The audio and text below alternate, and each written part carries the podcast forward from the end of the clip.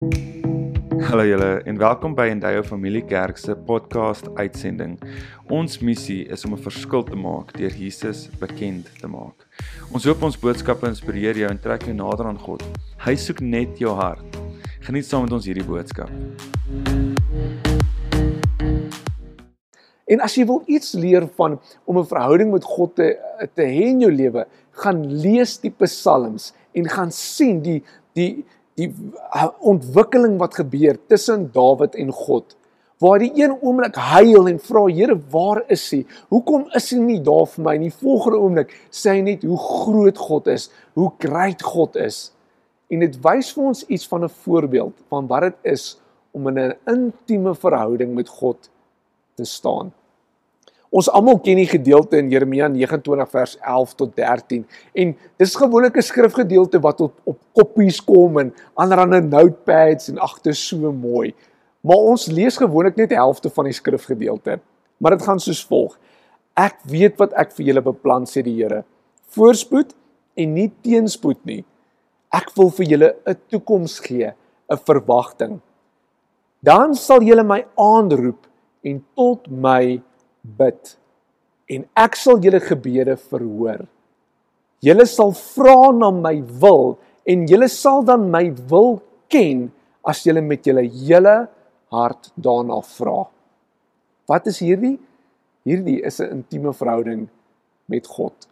Maar baie keer soek ons die voorspoed van die Here, maar ons wil nie die intieme verhouding met God altyd nastreef nie. Die tweede ding wat in hierdie gedeelte opkom is waar hy sê Ek bid dat hy julle geestesoë so verhelder dat julle kan weet watter hoop sy roeping inhou. So die tweede gedeelte is die geestesoë wat God wil hê moet oopgaan in ons lewens. So wat beteken dit?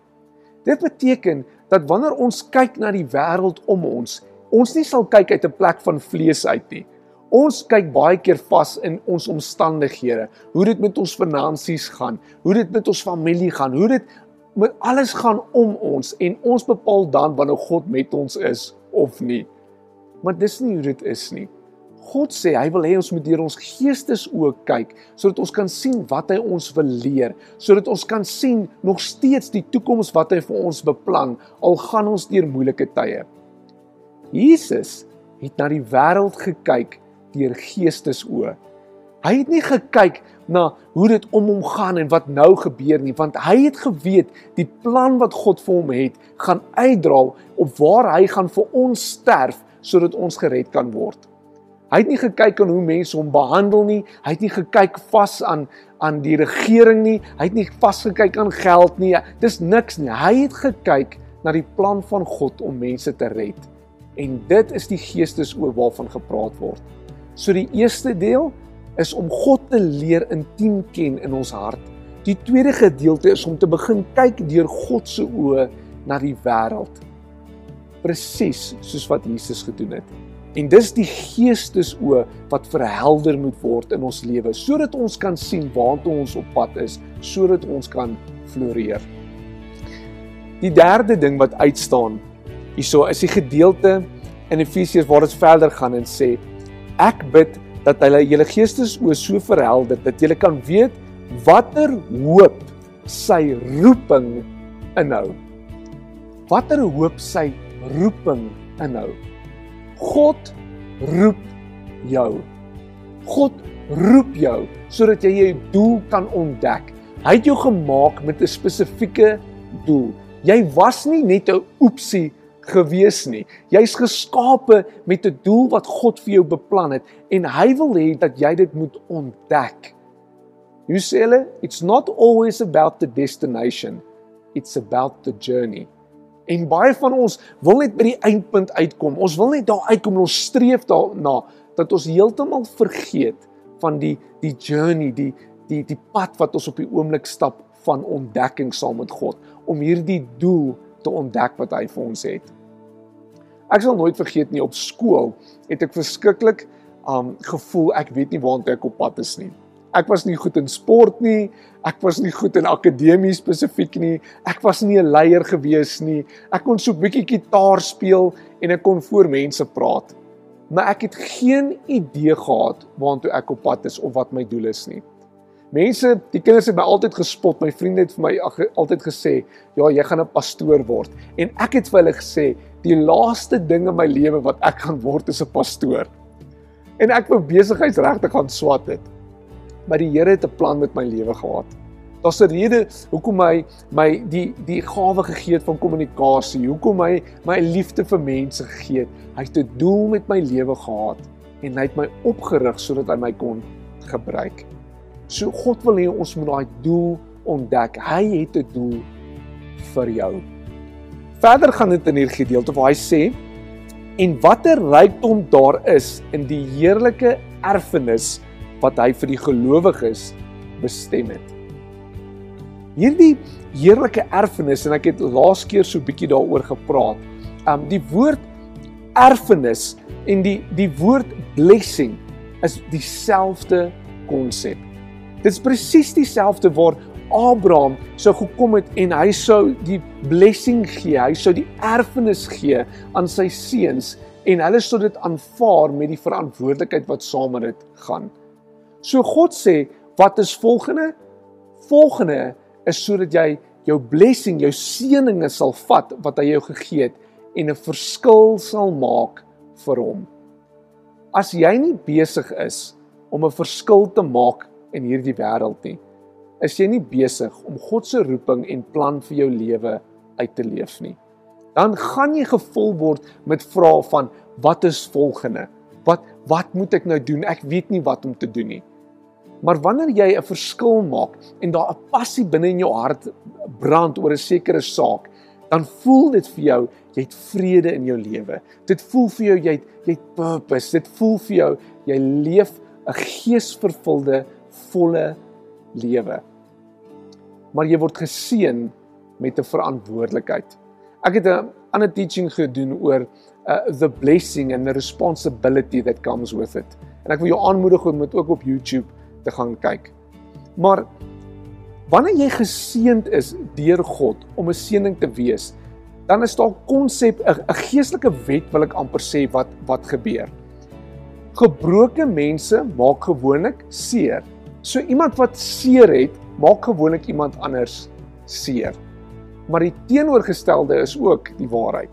Iemand wat genees het, is gewoonlik iemand wat iemand anders help om genees te word.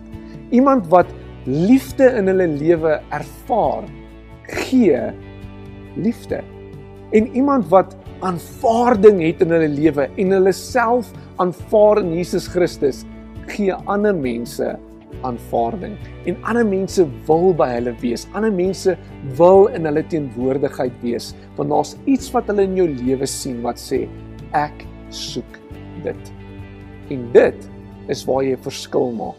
Dit is waar jy 'n verskil maak by jou werksplek. Dit is waar jy 'n verskil maak by jou huis. Dit is waar jy 'n verskil maak maak by elke liewe plek wat jy jou voet neersit. Want mense kan sien jy is anderste as hierdie wêreld.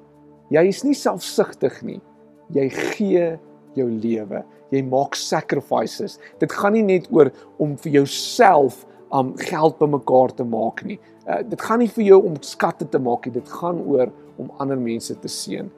So God verwag van ons om 'n seën te wees, om hierdie erfenis te vat en wat vir ons bestem is as gelowiges en dit uit te leef aan die wêreld. So die vraag wat ek jou wil vra is, so wat is volgende? Wat is volgende in jou lewe? Gaan jy nog steeds op 'n plek wees wat jy net sê ek moet net oorleef, ek moet net rekeninge betaal? Ek het 'n geheim vir jou. Jy is nie gemaak om net rekeninge te betaal nie. Jy's gemaak met 'n doel. Of miskien sê jy vir jouself, "Wie weet ek wil begin floreer, ek weet net nie hoe nie." Ontdek die potensiaal in jou lewe, die saad van potensiaal in die regte omstandighede deur eerstens God intiem te leer ken, tweedens deur jou vryheid te vind, deur ander oë te begin kyk na die wêreld.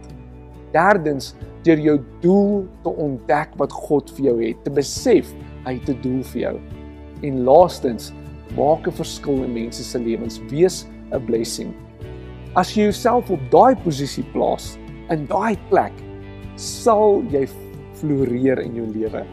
En jy sal nie wees soos Death Valley nie. Maar jy sal 'n plek wees waar daar blomme is of jy 'n boom is wat vrugte dra en almal sal van daai vrugte wil eet en by jou wil wees en jy sal soveel vrede in jou lewe ervaar. Kom ons sluit ons oop. Maar Vader, ek besef daar's baie van ons wat die vraag het wat sê maar wat is volgende? Moet ek nou net oorleef of kan ek weer myself begin uitleef? Here, ek bid dat U ons sal help sodat ons 'n intieme verhouding met U sal hê. Here vergewe ons waar ons baie keer die pad afdwaal en betrokke raak met ander goed. Here, ek bid dat ons ons vryheid sal vind by U, dat ons deur ander oë na die wêreld sal kyk. Ek bid dat ons 'n verskil sal maak in mense se lewens en dat U ons sal help om, om ons doel op hierdie aarde te ontdek. En ons sê amen. Ek glo regtig jy gaan floreer en jy kan net in God floreer. En hierdie boodskap moet jy naby in jou hart dra. Ons sê vir Bram baie dankie vir dit wat hy ook vandag met ons gedeel het. Ons wil graag altyd vir God iets teruggee. Maar ons kan hom nooit teruggee volgens dit wat hy vir ons gegee het nie. 'n Ewige lewe. Hy die volheid van lewe vir ons kom gee deur die dood van Jesus Christus aan die kruisvoet van Golgotha. Maar die beginsel van om iets terug te gee vir God bewys die dankbaarheid, die opregtheid van ons harte om ook God in dit te ken. Ek lees vir jou uit Psalm 50 vers 14 die volgende. Offer dankoffers aan God en betaal jou geloftes aan hom die allerhoogste. Hierdie is 'n psalm wat Dawid skryf en hy sê bring jou dankoffers, bring jou geloftes, jou beloftes wat jy aan die Here gegee het en gee dit vir hom met hierdie opregtheid van jou hart om ook in dit vir God te sê Here aan U die dank aan U die eer vir dit wat U vir my doen elke dag in my lewe. Mag jy geseënd wees vir die manier waarop jy gee, die gesindheid waarin jy gee. En dat jy vandag ook vir jouself sal sê alles wat ek het, het ek in elk geval ontvang uit die hand van God uit. Kom ek bid saam met jou. Dankie dat U seën op ons lewens rus, Here. En dankie dat dit in ons harte 'n begeerte is om te sê ek wil aan U dank of vergee. Ek wil aan U 'n belofte gee. Ek wil my gelofte terugbring na U toe en sê Here, dit behoort in elk geval net aan U. Mag U U naam geseënd wees in elkeen van ons lewens. En ons dank U daarvoor in Jesus naam. Amen.